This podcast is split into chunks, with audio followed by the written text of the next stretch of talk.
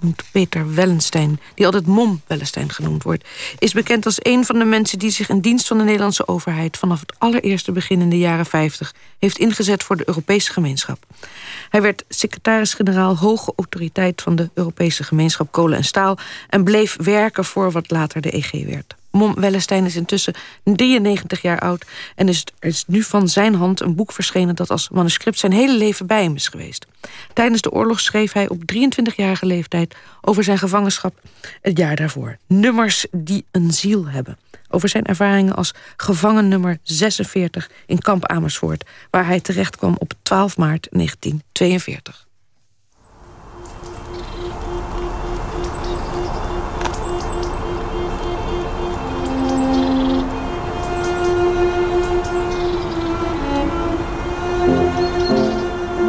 Het is tegen twaalfen.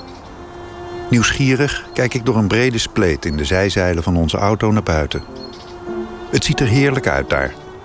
Een landweggetje dat aan weerszijden door een dik besneeuwd bos begrensd wordt, strekt zich voor de auto uit. De chauffeur praat met de schildwacht. Even later wordt een slagboom geopend en rijden wij het bos in. Het kamp lijkt uitgestorven. Slechts af en toe loopt een gevangene over het terrein. Traag, voorovergebogen en broodmager, blauw van de kou. Het gehele complex maakt een onwerkelijke indruk. Alsof het niet van deze wereld is. Het uiterlijk van de gevangenen is op zijn minst luguber. Ze zijn gekleed in uniformen van het Nederlandse leger... met poeties en klompen, een kwartiermuts op het hoofd in hun gezichten tekenen zich de jukbeenderen scherp af. Wangen hebben ze niet. De ogen zijn groot en hol. Met een tegelijkertijd apathische en loerende uitdrukking. Het is nog vroeg in de oorlog, maart 1942, als Mom Wellestein hier terechtkomt. Twee jaar daarvoor was hij nog een onbezorgde student in Delft. En dan belandt hij in het politiedoorgangskamp Amersfoort, het PDA. Het kamp heet dan wel officieel geen concentratiekamp te zijn. Het is het wel.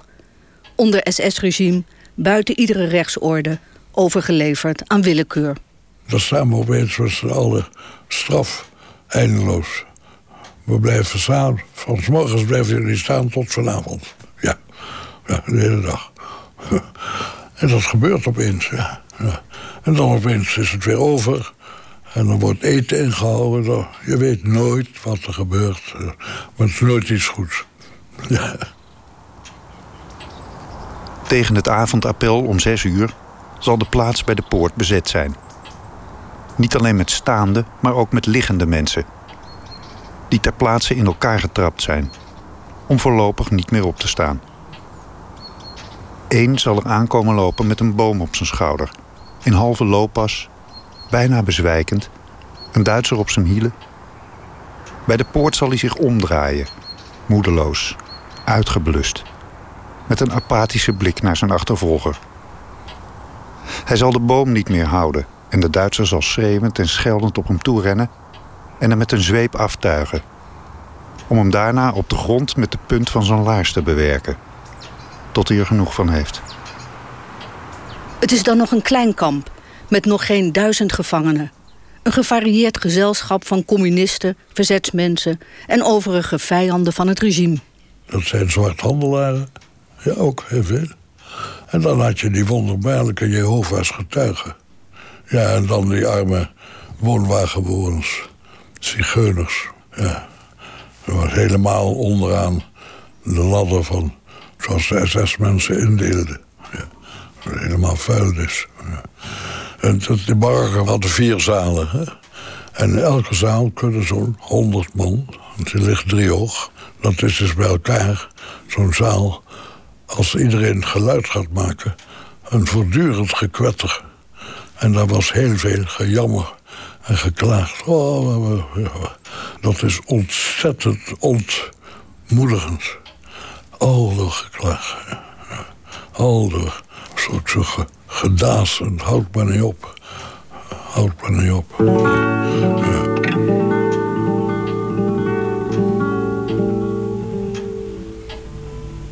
Hoe kwam de student Mom Wellestein hier terecht? Hiervoor gaan we terug in zijn geschiedenis. Naar de jongen die opgroeide in Nederlands-Indië... en die op zijn veertiende, na de dood van zijn vader... met zijn moeder in Bussum terechtkwam. Daar maakte hij het lyceum af. Nee, heerlijke tijd. In alle opzichten, ja. En ook nog aardige meisjes in de klas. Dat was ook nog een asset. Nou, toen kwam het aan de orde, wat moet die jongen gaan studeren? En die jongen wou iets exacts studeren. Dus ik uh, schreef mij in in Delft. Nou, dat beviel me heel goed. Daar uh, werd ik dus derdejaars, toen vierde. Toen de oorlog was uitgebroken. Nou ja, ik was dus tussen de generatie studenten... die al een beetje zeggen, in besturen zaten en dat soort dingen. Ja, vierde jaar. Toen kwam iets op mijn weg waarvan ik de consequenties absoluut niet kon voorzien. En wel voorzitter worden van onze Centrale Commissie voor Studiebelangen. Die gaf studieboeken goedkoop uit en sloot collectieve verzekeringen voor studenten goedkoop. Dus dat was, dat was een handel, een productiebedrijf.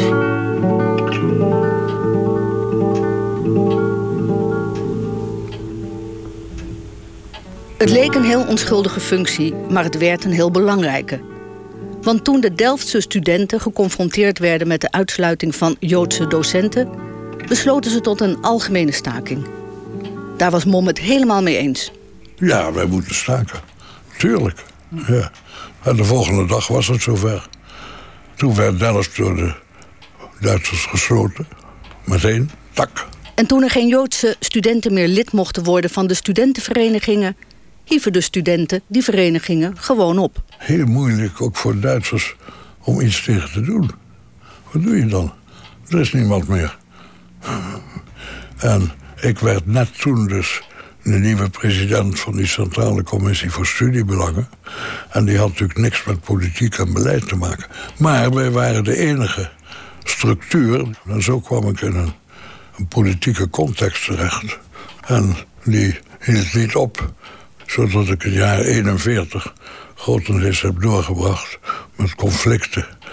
Met wees dan kalm, uh, doe nou iets naar buiten toe... dat de Duitsers weten dat dit te ver is gegaan, dat, je, dat dat niet weer zal gebeuren. En dan kunnen we misschien naartoe brengen om Delft weer open te laten gaan. Ja, maar wij zeiden nee. En toen dacht ik, ik wil parallel hiermee...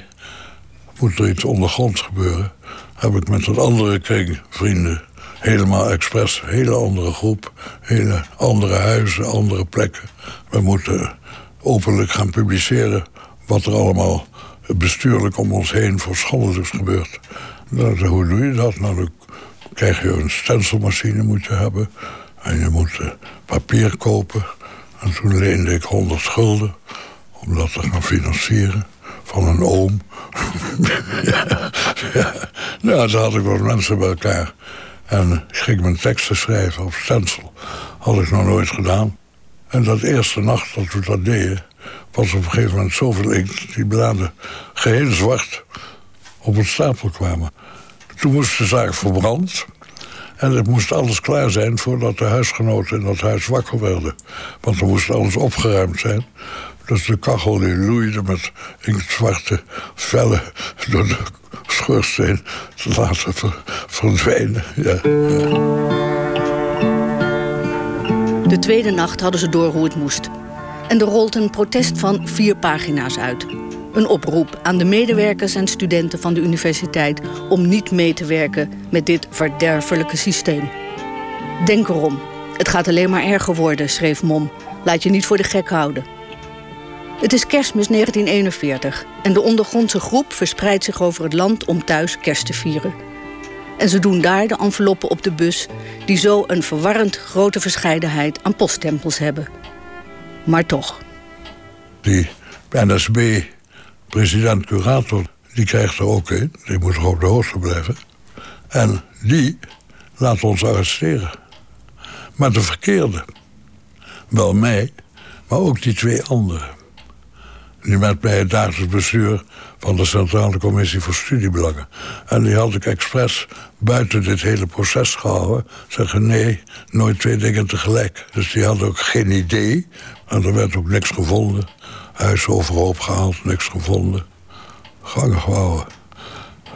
En pas acht maanden later vrijgelaten. En weet je waarom? De vader van een van mijn kornuiten... die was president-directeur van de Nederlandse Spoorwegen. Die had bij de Duitsers toch status. Daar ga je geen ruzie mee maken, voor niks. En die zei, je hebt mijn zoon gevangen genomen. Wat heeft hij gedaan? En ze konden niks vertellen. Dus dat werd awkward, dat werd gênant.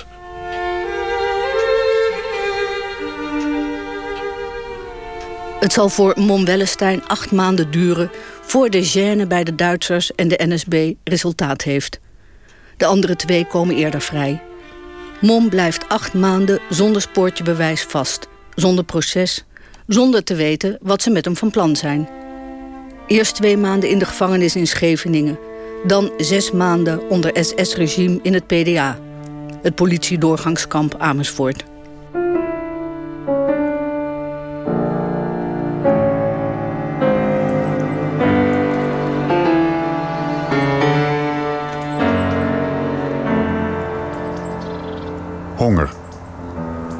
Ben me ervan bewust dat dit een van de moeilijkste onderwerpen is om te beschrijven. Tevens is het een van de belangrijkste, omdat de honger verreweg het voornaamste aspect van het PDA-leven was. De honger was niet alleen een fysieke toestand, maar eigenlijk voor het grootste deel een psychische. Hij was zo alles overheersend dat ik hem helemaal niet meer als een afzonderlijke aandoening voelde, doch als een deel van mijn wezen. Of nog sterker gezegd, ik was tenslotte zelf helemaal één brok honger. Het zal duidelijk zijn dat onder die omstandigheden de scheiding tussen lichaam en geest, zoals die in het normale leven bestaat, geheel was opgeheven. Deze scheiding, welke door Descartes zo scherp geponeerd is, heeft altijd veel strijd veroorzaakt. Ik meen nu min of meer te hebben begrepen waar de quintessens van die strijd ligt. Een normaal goed gevoed mens leeft niet bewust met of in zijn lichaam. Hij leeft in zijn geest, of althans dat denkt hij. Zijn lichaam gehoorzaamt hem en dat vindt hij vanzelfsprekend. Heeft hij een wondje aan zijn vinger, dan zal hij dat bijna zo beschouwen als een vlekje op zijn schrijfbureau. Maar nu komt de honger. De zwakke geluiden die onder normale omstandigheden door het lichaam in de geest worden teweeggebracht, zwellen aan tot één alles overheersende toon. De hongerende mens voelt zijn bloed stromen, zijn hart kloppen, zijn spieren zich samentrekken, zijn maag verteren, zijn weefsels leven. Ja, Hij verzorgt zijn lichaam in de geest. ja, Hij spreekt het toe en leidt mee, is het dankbaar en liefkoost het. Hij is er zeer zuinig op en vecht ervoor. ja. Kan iedere zin, ieder woord onderschrijven. Het is zo. Je, zorg, je moet zorgen voor je lichaam. Denk erom. Dat wordt zwaar op de proef gesteld. Je moet het niet in de steek laten. Denk met het mee. Ja, het houdt je leven, want een beetje eten wat je krijgt... zorgt dat het goed gebruikt wordt. Zuinig. Zuinig. Ja, kan het ook. Kijk maar. Je loopt nog. Dat kan. Ja. Ja. Neem bezit van je. Ja. Ja, ja heel aparte ervaring. Ja. Want het houdt nooit op. Ook niet tijdelijk. Nee. nee. Uitputten, vernederen, machteloos maken. Ja, ja maakt ze machteloos. Die zijn dan niks meer. Vorm van langzame uitschakeling. Ja, en dan krijg je dus op een gegeven moment wonden die niet meer genezen. Dan krijg je steenpuist. Dan denk je, zonde. Dat is weefsel, dat, dat voort, dat loopt weg. Dat verlies ik in plaats van daar het lekker te zitten en zijn werk te doen, maakt dat rotzooi. Afschuwelijk. Ik was zo slap dat lopen me dodelijk vermoeide en ik me maar met moeite op de been kon houden. Bovendien was tijdens mijn ziekte het grote OD-proces gevoerd in de kantine van het kamp. Professor S. en vele anderen waren gefusilleerd. Paul was ter dood veroordeeld, had gratie gekregen en was nu met 15 jaar naar Duitsland gezonden. De beide Fransen en verschillende andere Delftenaren waren in Schutzhaft naar Boegenwald gebracht. De groep van professor Mekel was een week na het OD-proces voorgekomen, met als resultaat 17 doodvonnissen. Mijn kring van vrienden en kennissen was door dit alles gedecimeerd. En dat gaf een gevoel van grote eenzaamheid. Naast alle materiële ellende van het PDA heb ik het voortdurende verdwijnen van vrienden in de nood altijd het ergste gevonden. Uit de vuilnishoop van het kampleven bloeiden de vriendschappen als schone bloemen op. En de droefheid die zich van mij meester maakte als zo'n bloem door het noodlot plotseling werd weggerukt, zal ik niet trachten weer te geven. Wie vandaag rondkijkt op de plek waar dit gebeurde, ziet een vreemde mengeling van jaren 70 gebouwen achter een omheining. Daar huist een grote politieschool. Daarvoor een golfterrein. En een gerestaureerde wachttoren op vier poten. Het Nationaal Monument Kamp Amersfoort moet het hebben van verhalen en getuigenissen bij gebrek aan tastbare herinnering ter plekke. Daarom noemt Maurits Nibbering, historicus, tot enige jaren terug directeur van kamp Amersfoort, het een moment van historische betekenis toen hij het manuscript van Mom Wellenstein herontdekte. En hij zorgde ervoor dat het nu gepubliceerd is. Die honden die hoor je heel vaak bij, uh, vanuit het dierenasiel, hè, het dierenverzorgingstehuis. Dat is nu uh, uh, nieuw gebouwd. En dan had je wel eens natuurlijk een, een keer een rondleiding gehouden... en dan hoorde je in de verte allemaal golfballetjes slaan. En aan de andere kant hoorde je dan die honden blaffen. En dat werd dan afgewisseld door schietoefeningen. Nou, serieel. En dan ben je op een plek waar, waar uh, een concentratiekamp is geweest.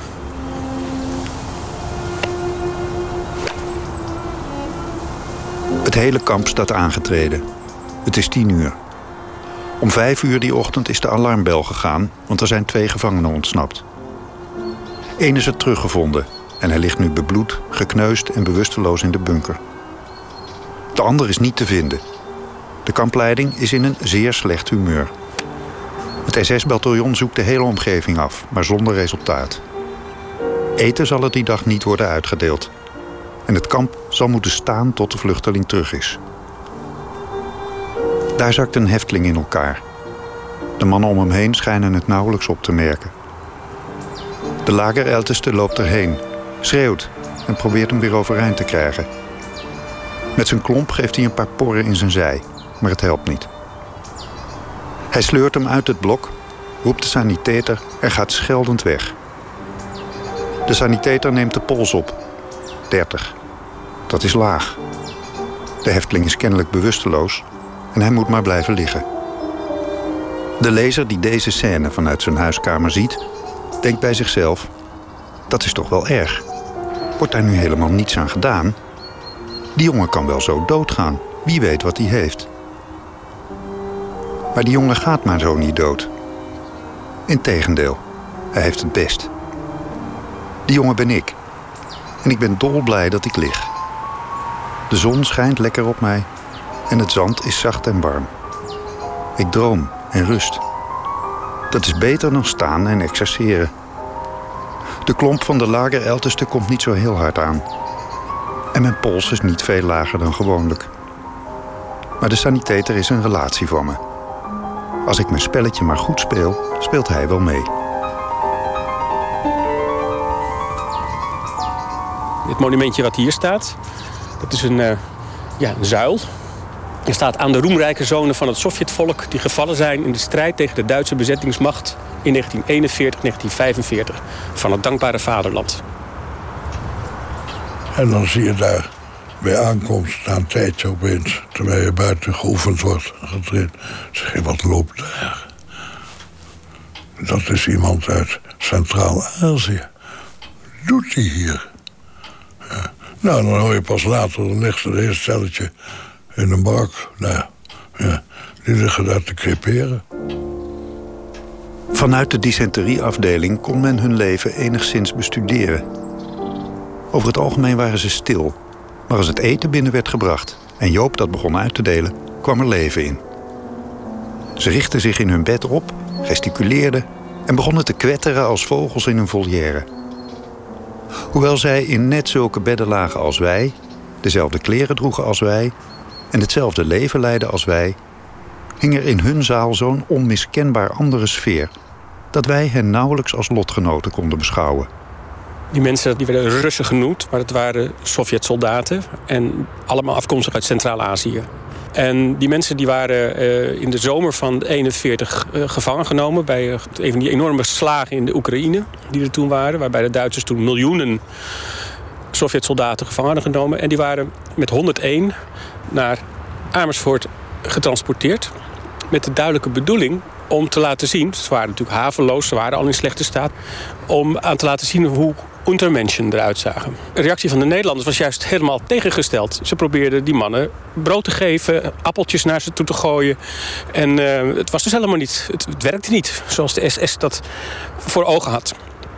En uh, dus toen zijn ze in Amersfoort uh, gevangen gezet, apart. In april nam het lijden van de Russen een plotseling en onverwacht einde. In plaats van aan te treden voor het ochtendappel moesten alle heftelingen in de barakken blijven en de verduisteringsgordijnen voor de kleine raampjes laten zakken. Naar buiten kijken was streng verboden. Eén deed het toch. Er reed een auto de appelplaats op en de Russen werden ingeladen.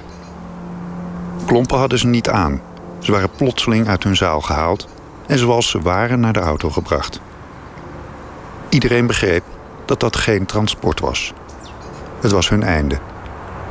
Waar en hoe de Russen ter dood zijn gebracht, weet ik niet. In april 42 waren er nog ongeveer 70 van deze Russen over. En die zijn toen onder voorwendsel dat ze naar een uh, warmer concentratiekamp zouden gaan in een zuidelijk land, zijn ze uh, in die vrachtwagen geladen en 300 meter van het kamp op deze plek geëxecuteerd, vermoord door drie Duitsers, drie Duitse SS'ers.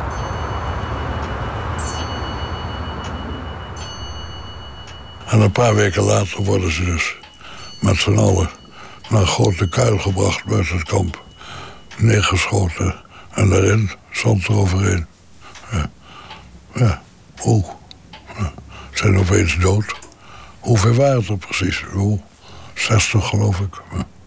De andere 40 waren al eerder gecrepeerd. Ja. Nou ja, dan denk je wel... Wat gebeurt hier? Wat is de ratio daarvan? Die is er niet. Maar je zegt, ik ben dus beland bij waar ik de waanzin in werking zie. Van dit regime. Ja. Voeren niet alleen oorlogen, maar een totaal van de wereld los. Te zoiets doen. Ja. Geen grens. We wisten toen niks van vernietigingskampen. Absoluut niks. Westerbork was ook niet in functie was er nog niet. Vrucht was er niet. Wij waren eigenlijk het eerste geïmproviseerde kampje. Zeg je, nou, dit, hier is hier in Rijncultuur. En daar zit ik toevallig in. Dit is het systeem. In al zijn kleinheid. Geen duizend gevangenen. Alle excessen zitten erin. Tot en met die Mongolen. Die hier worden afgemaakt. Duizenden kilometers van huis. Ja, gebeurt hier, Amersfoort. Een stukje hei. Daar ben ik toevallig deel van. Ja. Nou ja, dat is een overrompelend besef. Uh, wat gevoel... Ik, ik, ik beheers het beeld ervan. Ja, in mij kun je niks meer wijsmaken.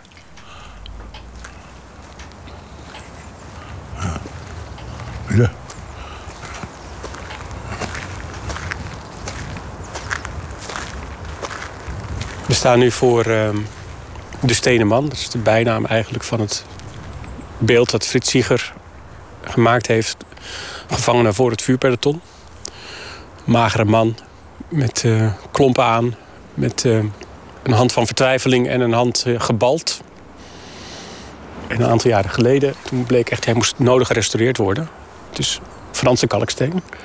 Maar er was maar één bedrijf in Europa waar dat kon. Dat is een Duits bedrijf dus uit Frankrijk gehaald om hier uh, gebeeldhouwd worden... en vervolgens in Duitsland, een jaar of tien terug, uh, het goed te restaureren. Nou, dat is toch een mooi symbool van Europese samenwerking. En daar is het Mom Wellenstein natuurlijk na de oorlog ook wel om te doen geweest. Hij, hij heeft... Ehm,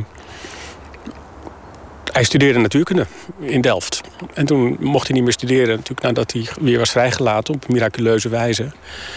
En toen heeft hij besloten, een aantal jaren in het verzet heel actief geweest. Toen heeft hij besloten, nou ik ga het gewoon anders doen. Ik ga me nu wijden aan, uh, ja, niet wijden aan Europa, maar als we niks doen...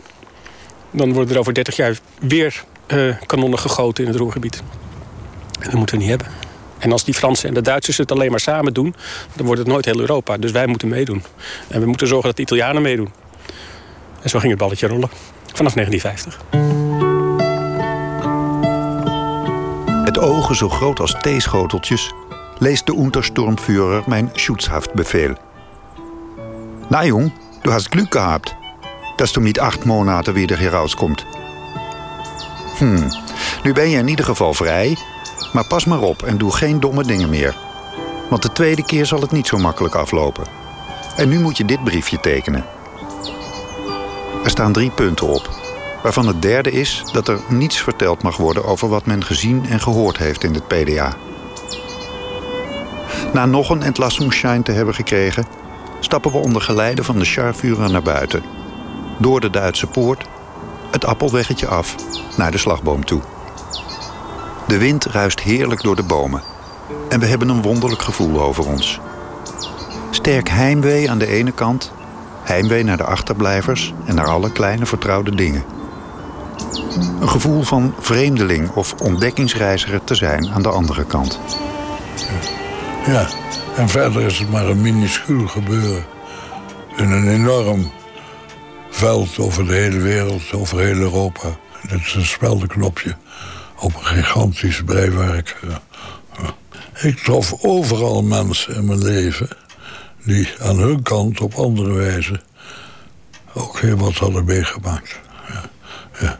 En daarmee praat je in zekere zin, niet al door dit, maar zeggen ja, ook jij komt uit chaos, net overleefd. Ja. ja, ik heb ook later gedacht, ik mag dit nog doen, want ik leef nog. Had dat ook zo goed andersom kunnen zijn. Ja, ik ben er nog, ik kan nog wat. Ja, zo is het.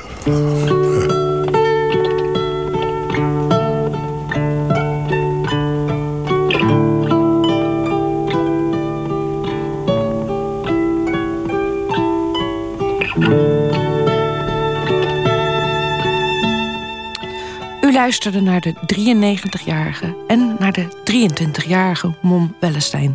23 toen hij zijn aantekeningen schreef die nu, 70 jaar later, onder de titel Nummers die een ziel hebben zijn verschenen bij uitgeverij Atheneum. Een programma van Djoeke Veninga, de teksten uit het boek werden gelezen door Chris Keijnen en de montage van